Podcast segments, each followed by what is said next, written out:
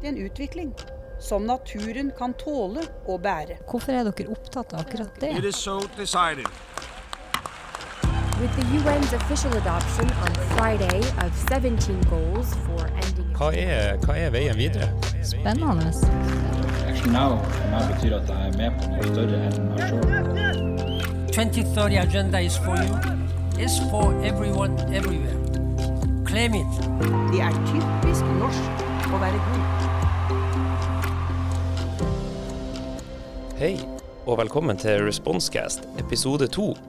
Jeg heter Sigbjørn, og i dag har jeg også med meg Anne. Eh, Vi er medlemmer i forskningsgruppa Respons på Nord universitet. Og vi leder denne podkasten der vi diskuterer fersk forskning på sport og samfunn, sammen med en rekke dyktige forskere på feltet. Forrige episode var en intro til boka med tittelen 'Bærekraftig idrett og friluftsliv'. I dag så skal vi snakke om kapittel to. Det handler om noe som mange i Norge kan relatere seg til, nemlig friluftsliv. Vi nordmenn vi elsker jo friluftsliv. Vi er født med ski på beina, det finnes aldri dårlig vær, bare dårlige klær. Og vi er glad i naturen vår. Dette er jo historien om norsk friluftsliv. Vi ser på det som noe som er sunt, miljøvennlig og bærekraftig. Men er det egentlig det? For å hjelpe oss å svare på det, så har vi i dag med oss Malene Daleng og Stian Røsten, som har prøvd å finne ut av hvordan økologisk bærekraft hører hjemme i norsk friluftsliv. Velkommen Malene og Stian. Hvem er dere? Takk. Mitt navn er Malene Daleng, eh, 36 år, og har skrevet en masteroppgave også om det her. Jeg kommer fra Steigen, der jeg er oppvokst med, med naturen i hagen og i bakgården. Jeg har opp, blitt oppvokst og lært til å bli glad i den, og til å bruke den hele tida. Det er årsaken til at jeg valgte å skrive en master om friluftsliv. Ja, takk. Trivelig å være her. Jeg heter Stian Rusten, er 26 år og kommer fra Trondheim. Gått lektorutdanninga på NTNU med fordypning i kroppsøving og idrettsfag. Eh, Etter å ha levert masteroppgaven min om talentidentifisering i norsk ishockey, så pakka jeg sakene mine og flytta nordover til Bodø for drøyt ja, et år siden. Litt over et år siden. Eh, Jeg jobber i dag som vitenskapelig assistent på Nord universitet, og stortrives her. Fine folk, fantastisk natur. Og med tanke på eget forhold til friluftsliv, altså den store barndomsdrømmen var jo å bli hockeyspiller, men etter jeg la kølle, puck og skøyter på hylla for fem-seks år siden, så har kjærligheten for utendørsaktivitet og friluftsliv bare vokst seg større og større. Eh, Og nå er jeg en ivrig mosjonist og hobbyløper som er glad i turer i skog og mark og på fjellet. Hvorfor er dere opptatt av det temaet vi skal snakke om i dag? Jeg bruker naturen så ofte som jeg kan. Elsker å være ute. Elsker den friheten man får av å puste inn ren og frisk luft. Eh, og de opplevelsene man får ute i naturen, de tror jeg du kun får ute i naturen. Du finner ikke de opplevelsene og de følelsene det skaper andre plasser. Det gjør at jeg ønsker å finne ut av hvordan står det egentlig til eh, der ute i naturen. Gjør vi det riktige for å ta vare på, på naturen for fremtidige, fremtidige generasjoner? Eh, og som, som mamma så syns jeg det her er veldig opptatt eller jeg er opptatt av det her og syns det er viktig å, å tenke på vil mine barn ha de samme mulighetene i framtida som jeg har i dag. Ja, det, det kan jo på en måte høres litt sånn rart ut, for mange forbinder jo på en måte friluftsliv eh, og bærekraft, det på en måte henger sammen. Så, så det kan jo på en måte virke litt sånn rart å være opptatt av det her òg. Samtidig så på en måte viser jo eksempel eh, i norsk kontekst da, så har jo på en måte vestlandsforskning gjort en del på det her, og de har jo på en måte konkludert med at friluftsliv er noe av det verste du kan holde på med med tanke på, på miljø. Så ja, det er bærekraftparadokset i friluftsliv som på en måte jeg syns er litt sånn spennende. Og det er litt interessant, for vi er jo vokst opp med at altså, det å bruke naturen er bærekraftig i seg sjøl. Men er det jo egentlig det? Ja, det er spørsmålet. Og nå skal vi gå litt inn i det her forskningsprosjektet som dere har jobba med. Og et eh, steg som alle forskere må gjennom i en sånn forskningsprosess, er jo det her med litteratursøking. Å finne ut hva som er kunnskapsstatusen på det feltet. Så hva, hva vet vi jo fra tidligere forskning på friluftsliv og bærekraft? Jeg kan, jeg kan godt begynne, Malene. Eh, godt spørsmål, Anne. Friluftsliv og bærekraft er jo nokså nye forskningsfelt både nasjonalt og internasjonalt. eh, men som den grønne vinden absolutt er i vekst. I takt med økende bevissthet om klimaendringer som globalt problem og behovet for å redusere klimagassutslippene, så har jo klimaavtrykksanalyser fått økende oppmerksomhet i forskningslitteraturen, f.eks. Og samla sett, som jeg var på en måte litt sånn innpå i sted, så anslår jo funn fra sånne analyser at fritidsaktiviteter, som bl.a. friluftsliv, har et betydelig klimaavtrykk. Dette knyttes bl.a. til transport og høyt forbruk av utstyr. Ellers har det jo de siste årene blitt publisert en rekke studier som undersøker forholdet mellom naturtilknytning og klimapositiv atferd. Og en gjennomgående tendens i de her studiene er at friluftsaktiviteter ser ut til å representere en viktig kontekst for å utvikle naturtilknytning, og at nærhet til naturen virker å føre til et sterkere ønske om å bevare den. Ja, så det her er et nytt felt, og samtidig så er det litt eh, kunnskap om det fra før. og det her konseptet friluftsliv er jo også veldig norskt. Så det finnes jo bl.a. en bok som heter 'Norwegian friluftsliv A way of living and learning in nature', som eh, forskningsmiljøet ved UiT har, har skrevet. Og det sier jo litt om det her begrepet friluftsliv og det unike norske i det. da. Eh, men bortsett fra forskninga, så vet jeg at um, det er litt andre ting som ligger i bakgrunnen for det forskningsprosjektet. DNT jobber vel med å få en ny bærekraftstrategi. Si litt om det. Stemmer det. 2021 så lanserte DNT en um, bærekraftstrategi. Det ble plukka ut et utvalg av frivillige, både ledere sentralt og lokalt, som uh, satte seg ned. Jeg gjorde analyser, skrev en bærekraftstrategi som de uh, publiserte og delte med sine frivillige først. Hvor de la fram, de la fram sine, sine tanker og ønsker for sin egen virksomhet i tida fremover. Gjennom den bærekraftstrategien deres så ønsker de å være en lederstjerne som skal inspirere sine medlemmer eh, og sine ledere og sine, sine frivillige. De har tre hovedelementer, eller hovedmål, i strategien. Det ene er å redusere friluftslivets fotavtrykk. Det andre er at de ønsker å være Norges største eh, og mest bærekraftige ferie- og fritidstilbud. Den tredje er at de ønsker å være en tydelig stemme for friluftsentusiaster der ute. De ser jo på seg sjøl som bærekraftspionerer i utgangspunktet, for de har helt siden oppstarten fronta det enkle, enkle friluftslivet. Og at, at, det er rett utfor døra di, så har du tilgang til enormt masse. Men så er de også klar over at alt det som de holder på med, ikke nødvendigvis er så bærekraftig. Så de valgte da å ta et tak, se i seg sjøl først. Hva er det vi gjør som fungerer bra?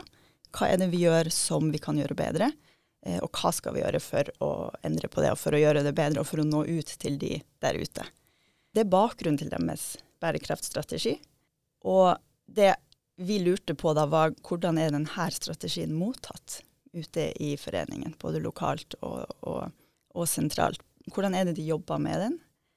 Eh, når de de målene de har satt seg?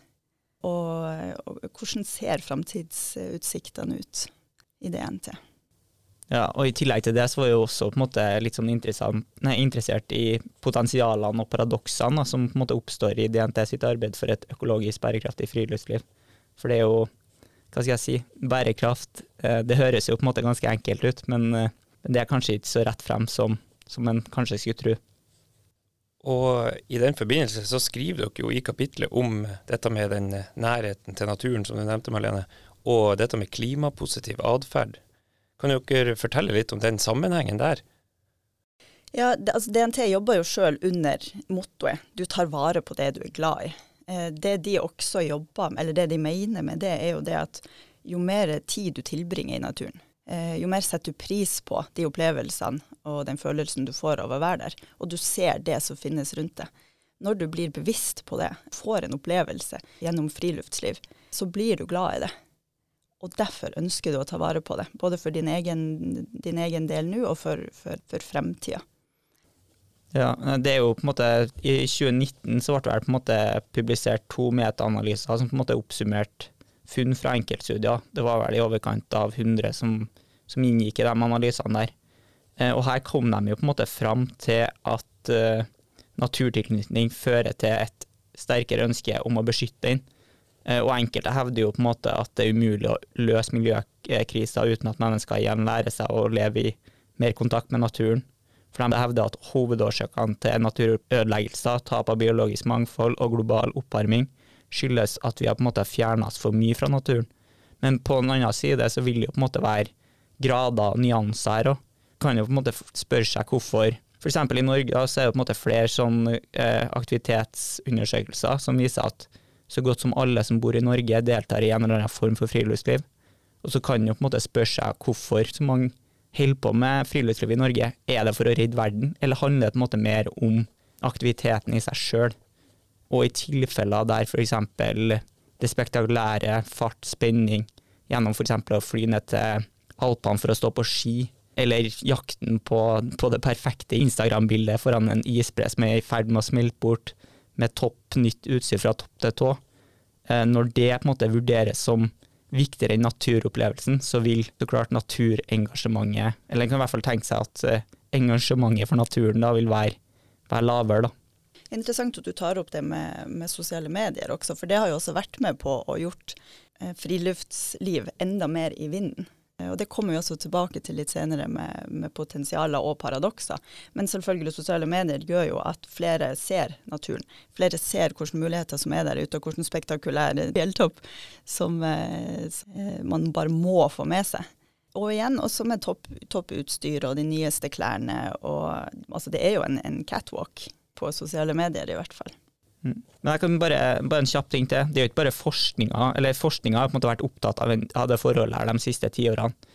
Mens om vi på en måte ser på norsk politikk og den type ting, så har jo det siden 1970-tallet, eh, så har på en måte offentlige støtte til friluftslivsorganisasjoner også delvis vært begrunna gjennom det forholdet her, da. At eh, friluftsliv det gir på en måte kunnskap og øker forståelsen for natur og kultur. Veldig komplekst og, og sammensatt. Mange nyanser inn, inni dette med, med bærekraft. For å spørre litt mer konkret om, om kapitlet, så bruker dere et eh, begrep som heter NIMBY-fenomenet. Kan dere forklare litt hva det står for? Uh, NIMBY det er jo på en måte et akronym som står for Not in my backyard, eller ikke i min bakgård. Og det fenomenet oppstår jo gjerne i forbindelse med lokaliseringsspørsmål. Typiske eksempler kan være vindmøller, avfallsplasser, toglinjer eller rovdyr.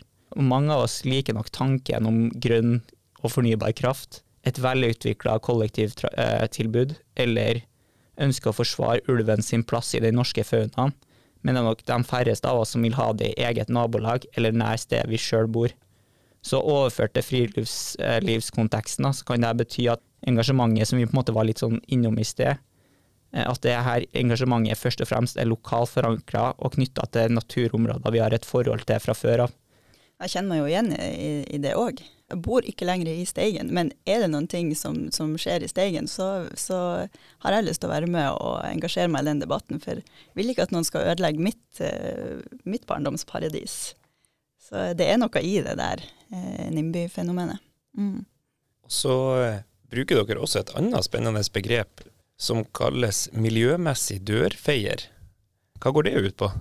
Det er et begrep vi har lånt fra Dag Vidar Hanstad og kollegaer. I 2000 og, nei, 2021 så ga de ut en bok om idrett og bærekraft, der de bl.a. presenterte to utbredte tilnærminger idrettsorganisasjoner bruker i arbeidet med miljømessig bærekraft.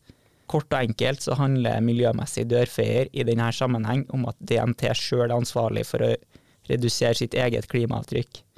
For DNT kan det f.eks. innebære å bytte ut engangsplast med mer miljøvennlige alternativer, eller å fase ut dieselaggregater med fornybar energi fra sol, vind og vann på turruta. Det, vel, det ligger kanskje litt i begrepet dørfeier. Vi, vi koster foran egen dør. Mm, og det var jo deltakerne i, i studien også veldig opptatt av sjøl, også bevisst på sjøl, at eh, vi må først rydde opp i eget reir, var det en som sa. Og det er jo et ganske bra begrep. Så man vet at man har ting å jobbe med sjøl først. Eh, så, og deretter eh, inspirere andre. Ja, inne i et litt sånn filosofisk eh, spørsmål. Hvis du vil endre verden, skal du starte med deg sjøl, eller skal du starte med verden? Sånn eh, Michael Jackson-tilnærminga er jo å starte med the man in the mirror. Så det er vel litt den strategien DNT òg har. Men eh, vi må snakke litt mer om eh, selve studien deres. Um, for dere hadde jo lyst til å finne ut av hvilke potensialer og paradokser som oppstår når DNT går i gang med det her arbeidet for eh, økologisk bærekraftig friluftsliv. Hva fant dere ut? Nei, vi fant vel at DNT sitt arbeid for et økologisk bærekraftig friluftsliv ikke kommer med en enkel og ferdig oppskrift, men at det medfører både potensialer og paradokser. Eh, Samla sett så var det først og fremst tre potensialer som ble fremheva av lederne i DNT. Det første potensialet var litt som vi var innom i sted, knytta til at DNT styrker, bærekraftstiltak i egen organisasjon for å fremstå som en troverdig bærekraftsaktør. Eh, og Dette kan jo på en måte illustreres gjennom rollen som miljømessig dørfeier, eh, som innebærer at DNT er ansvarlig for å redusere eget klimaavtrykk. Eh, det andre handler om DNT sitt potensial til å være en miljømessig påvirker. Samtlige vi snakka med, uttrykte en sterk tro på at DNT kan være en ledestjerne og inspirere både medlemmer og samfunnet rundt. Så det vil si at rollen som miljømessig påvirker, det betyr noe mer utover DNT sine egne klimakutt, men at ringvirkningene av egne tiltak blir større ved å inspirere andre til å ta grønnere valg. Eh, og mye av eh, logikken bak en sånn her tankegang, det bygger på såkalt atferdssmitte. F.eks. om flere tar med seg et søppelhjem, så øker det sannsynligheten for at andre vil gjøre det samme. Det tredje handler om at lederne har en sterk tro på at engasjement for å ta vare på klima og miljø skapes gjennom gode naturopplevelser, som bl.a. DNT tilbyr. Eh, og samtlige av lederne knytta DNTs bidrag til økologisk bærekraftig utvikling gjennom prinsippet til vern gjennom bruk. Og Der trakk de jo også frem noen eh, eksempel eh, som jeg tenkte på nå. med, Jeg husker ikke helt hvordan tur det var snakk om, eh, men det var en, eh, en eh, populær løype eller tursti og mål hvor de hadde flere søppelbøtter på vei, på, på langs veien oppover. Men opplevde jo det at søppelet fløt jo rundt søpla, eh, rundt søppelboksen og på stiene. Eh, og da fant de jo ut at, at, Eller da tenkte de hva skal vi gjøre med det her, det her vil vi jo ikke. Så de fjerna søppelboksene og tenkte at folk får ta med seg søppelet sitt hjem sjøl. Og det fungerte. Eh, fordi at i utgangspunktet så kasta ikke folk søppelet rett i naturen. Eh, men er det en søppelboks der, så tenker man at her kommer det noen andre og plukker opp etter oss, så da kan vi like så godt kaste rundt. Men når ikke det var tilgjengelig, så, så brukte de det ikke, og så tok de søpla med seg hjem. De får mye til. Mye bra gjør de. Eh, men vi fant jo også noen paradokser. Eh, også der det, er det tre stykker som vi har trukket frem. Hvor det ene er friluftslivets klimaavtrykk. Nå kan man jo også gå inn i en disk diskusjon på hva er friluftsliv egentlig, for det jo, kan jo være ganske mye. Men i DNT men tenker jo ofte på friluftsliv som kortreist, nært det du egentlig har i, har i bakgården. Eh, men Norge har jo også masse spektakulære opplevelser eh, og friluftsliv eh, som kan oppleves. Men altså alt fra, fra gåtur, skogstur, fjellturer, fisketur, guttetur, jentetur eh, osv eh, er jo det som, som, man tenker på da med, med friluftslivet. Og på de her, de her eh, opplevelsene i de her, på de her turene, så brukes det Altså kjø, det kjører vi til. Bruker transport. Bruker bilene våre eh, for å, å, kjøre til opplevelsene. Eh, oftere enn vi kanskje bruker de som er i, i bakhagen eller i, i, rett i, i nærmeste nærhet. Det er jo en paradoks. Eh, vi, skal og, vi skal ut og oppleve fin natur, spektakulære opplevelser, og så kjører vi dit. Eh, ofte samkjører vi ikke heller, vi kjører hver vår bil. Det er også knytta til produksjon av topp moderne utstyr. Eh, det nyeste, det beste, skal se, se bra ut på, på, Instagram, som du nevnte, Stian. Og også altså det, det, at man vil ha vindtett og regntett og vanntett. og i, i det hele tatt, og passform og, og alt. Så, eh, men det er mye knyttet til altså, transport og produksjon når det kommer til friluftslivets eh, klimaavtrykk. Og det er stort. Det er større enn det vi kanskje eh, tror når vi tenker på det enkle friluftslivet. Et annet paradoks vi, vi, så på, er jo det at DNT ønsker jo å ivareta sårbar natur eh, og det biologiske mangfoldet. Eh, samtidig som at det vil tilrettelegge for at vi skal være i naturen. Eh, legge til rette for aktivitet i, i naturen. Det her er jo også litt sånn eh, motstridende. Eh, for ja, man legger til rette med, med turer og med løyper og med, med flotte mål. Når du kommer på toppen til, et, etter en, en kjempetung fjelltur, så er det ei lita hytte der hvor du får servert eh, vafler og kaffe, og det høres jo helt fantastisk ut. Men da er det jo også flere som bruker den turen, og som går den løypa, og som, som tråkker ned, og som, som eh, skremmer bort det som, det som bor der, og det som skal vokse der. Det er også et, et paradoks som er ganske stort eh, og ganske vanskelig. For selvfølgelig DNT vil jo ha flere medlemmer, vi vil jo ha folk ute i naturen. Men man skal jo også ta vare på det biologiske eh, mangfoldet der ute. Og det er også, altså ifølge FNs klimarapporter, så er jo det noe av det vi står i fare for å miste. Eh, fordi at vi lever sånn som vi gjør, og vi bruker naturen sånn som vi gjør. Der har jo DNT og, og, og også vi som bruker naturen et, en stor vei å gå leste ganske nylig en uh, rapport fra Hardangervidda, tror jeg, som jo har Norges største samling av villrein. Men de da er lav, laveste vekten på, på, på rein i Norge. De bruker ikke området de har til rådighet fordi at det er så masse turister, og det er så mange som bruker naturen. Sånn at de, um, de har jo tatt grep, gjør tiltak, for at, sånn at, at villrein skal kunne trives og vokse. Eh, og da har jo bl.a. DNT da i, i, kalvingsperioden stengt sine hytter eh, og sett opp at de ikke ønsker ferdsel i, i, de områdene, i sine hytteområder. Eh, og det er jo tiltak da som, som kan være med å, å, bidra til å ta vare på det biologiske mangfoldet. Eh, er det nok? Det vet man jo ikke, men det er jo, det er jo i hvert fall noe. Det tredje paradokset også er jo da snakk om de spenningene som står i DNT, hvor det er et behov for, at, for en økonomisk bærekraft. DNT skal overleve som, som eh, organisasjon. Eh, og Samtidig så ser vi jo at det er spenninger mellom DNT sitt behov for, for å drive økonomisk bærekraft versus den økologiske bærekraften. Ja, også, Det er jo på en måte forskning som på en måte viser at det gjerne oppstår målkonflikter mellom de ulike bærekraftsdimensjonene. På den ene sida ønsker vi på en måte å bevare naturen, mens på den andre, andre sida så er DNT avhengig av eh, økonomi for å i hele tatt overleve òg. Så på den måten så oppstår det på en måte noen spenninger der. Eh, og noen av paradoksene er f.eks. knytta til at en del av inntektene til DNT er jo f.eks. knytta til salg av eh, vannflasker, eller Imsdal-flasker på, på, vann.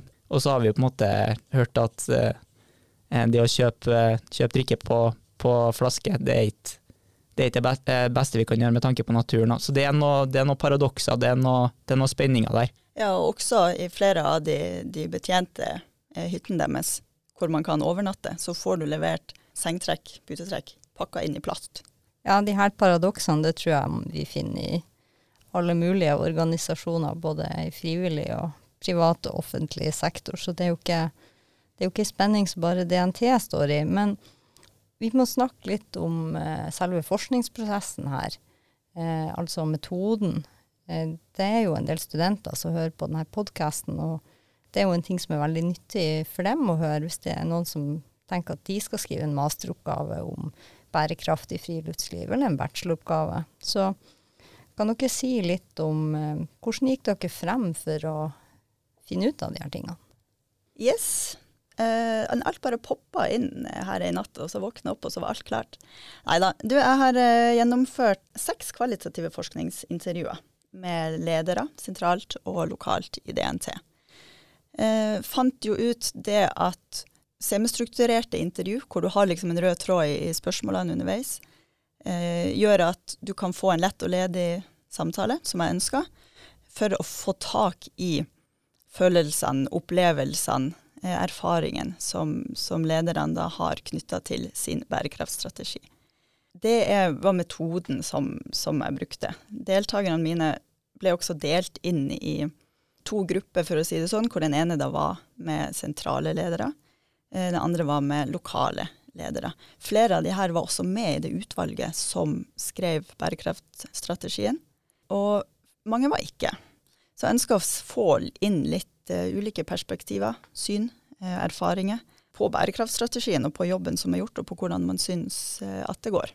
Som jo var det jeg ønska å få svar på. Ja. Opplevde du noen utfordringer i forskningsprosessen? Til tider så var det utfordrende å komme i kontakt med eh, folk. Og det her er jo, sant, det er jo hovedsakelig frivillige som driver DNT. Derfor også vanskelig å komme i kontakt med mange av de. Opplevde jo at etter masteroppgaven var ferdig og levert, så fikk jeg svar fra flere. Det var kanskje den største utfordringa, egentlig. Eh, I tillegg til at vi store, altså når jeg gjennom, skulle gjennomføre intervjuene, så var, hadde vi en pandemi som raste. Så det var ikke bare bare å reise eh, hit og dit og gjennomføre intervjuene. Så mye ble også gjort, eh, eller alt ble gjort digitalt. Som jo har sine fordeler, det også selvfølgelig, men en, i en sånn intervjuprosess for å få tak i de erfaringene, eh, og for å få, få deltakerne til å dele mest mulig, så ville jeg nok foretrukket sånn ansikt til ansikt, personlig oppmøteintervju. Um, men eh, alt i alt syns jeg både, både datamaterialet og resultatet ble bra. Så eh, jeg er fornøyd med metoden. Ja, resultatet ble jo definitivt bra, for du har jo en master i HRM nå, så det gikk jo fint. Det gikk bra. Men eh, underveis i de her intervjuene, var det noe som gjorde særlig inntrykk på deg, eller var det noen resultater som var overraskende? Ingenting som var sånn veldig overraskende, men det jeg kjente på var jo det, altså det grønne engasjementet som de satt med, de jeg møtte i DNT. Genuin interesse og tro på at, de, at det de gjør er riktig og viktig. Så det grønne engasjementet, det hoppa gjennom skjermen, og jeg så liksom at her er det folk som, som, som vet hva de holder på med, og som ønsker å være med og bidra. Selvfølgelig så var det òg veldig interessant å høre forskjeller, og da faktisk mellom nord og sør i landet. Det var veldig interessant, eh, interessant informasjon som jeg ikke hadde tenkt egentlig over i, i, i starten. Også utfordringer knytta til store betjente anlegg, eh, de største hyttene og hotellene. Eh, og også de små koiene og små hytter uten innlagt vann og strøm. Det er ganske ulike utfordringer de står ovenfor. Og det tror jeg kanskje ikke alle tenker på. Men eh, en fin teaser der til kapitlet. De som vil lese mer om de her forskjellene mellom nord og sør, og store anlegg og små anlegg, de må laste ned boka og eh, lese kapittelet om bærekraft og DNT. Du toucha jo også inne på ei eh, metodisk, kanskje, en metodisk utfordring her med at du opplevde at informantene dine var veldig engasjert. Og det kan jo nettopp være grunnen til at de har sagt ja til å bli intervjua. Mens eh, de som var litt eh, sein i avtrekkeren og svara etter masteren var innlevert, de ville kanskje ha noen andre syn på det her, da. Så eh, det er jo ei velkjent metodisk utfordring i kvalitativ forskning. Og eh, Malene, dette er jo Dette vi snakker om nå, er jo masteroppgaven din. Og den har du jo skrevet tilknytta et større forskningsprosjekt her ved Nord universitet, eh, som heter LESAB. Og gjennom dette prosjektet så har du jo endt opp med å skrive dette kapitlet som vi snakker om.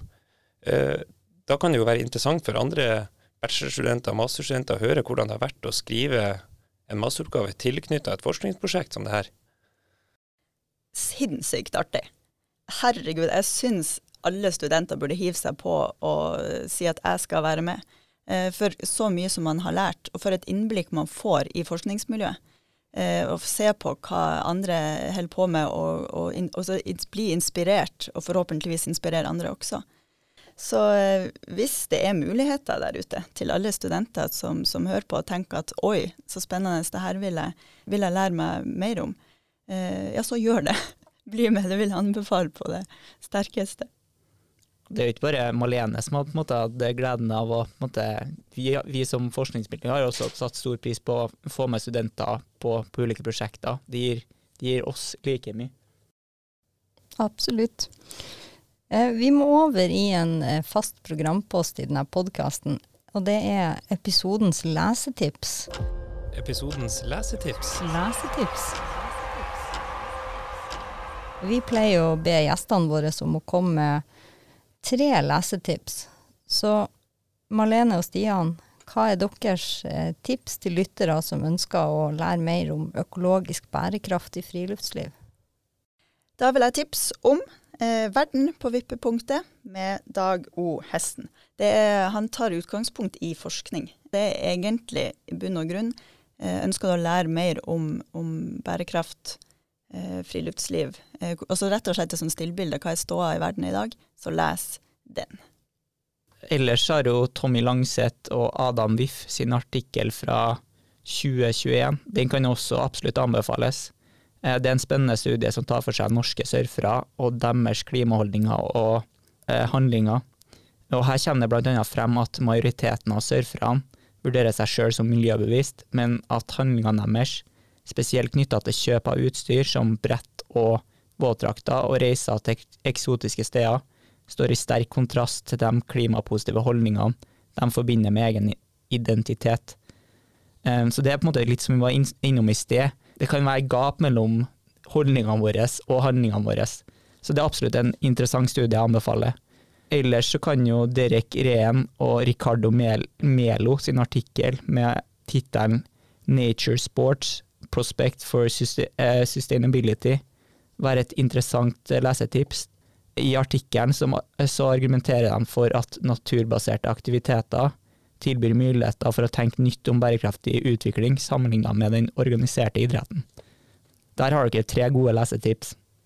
Ja, og informasjon om de her tre finner dere i notatene til denne episoden. For å gå inn litt for landing her, da, så er det jo vel ikke sånn at vi skal slutte å holde på med friluftsliv. Så hva kan vi som er glad i skog og mark egentlig gjøre, da? Man kan ta gode og grønne valg. Nei, vi kan absolutt ikke slutte å, å, å benytte oss av å bruke friluftslivet. Ja takk, heller mye, altså mer av det. Eh, også som vi jo da har lært i denne episoden, at det tar jo med seg holdninger inn i hverdagen ellers. Man kan ta gode valg. Tenk over utstyret du har. Er det hullete og fælt, så reparerer du det, og så vasker du det etter bruksanvisning, for da varer det lengst. Du trenger ikke nødvendigvis å dra på de, de lengste turene, de høyeste toppene. Du må ikke legge ut de beste bildene på, på Instagram for å, for å benytte av å oppleve friluftslivet. Vi vet jo også det at uh, vi gjør jo oftere det som naboen gjør, enn det som andre forteller oss at vi skal gjøre. Så vi må starte med oss sjøl. Vi må feie for vår egen dør, eh, vi òg. Så ja, friluftslivet kan gjøres mer bærekraftig. Eh, Men er det bærekraftig per i dag? Nja. Det er jo gode tips til eh, oss som er ute i, i, i feltet og, og har lyst til å holde på med friluftsliv.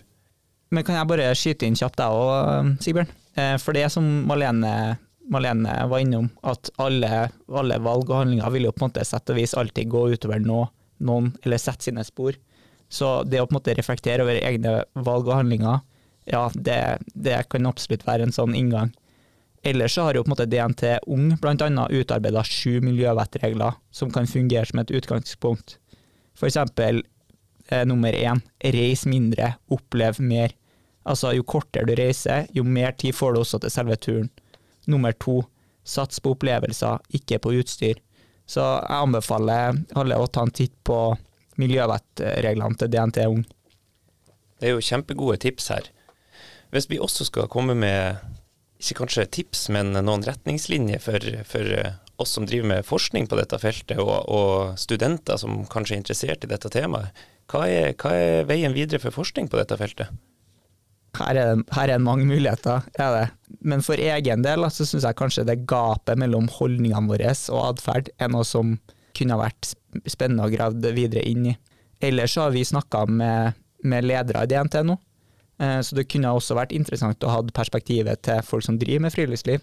Hva de tenker om utøvelse av friluftsliv eh, relatert til miljøvennlig atferd og den type ting. Det, det er et felt i utvikling, og her er det, her er det mye, mye spennende. Ja, og også der, for, for når, gjorde, når vi gjorde um, intervjuene med, med lederne her, så var jo det i slutten av 21 og starten på 22. Eh, Da var jo denne bærekraftstrategien nettopp lansert, og den var ganske fersk ute i DNT.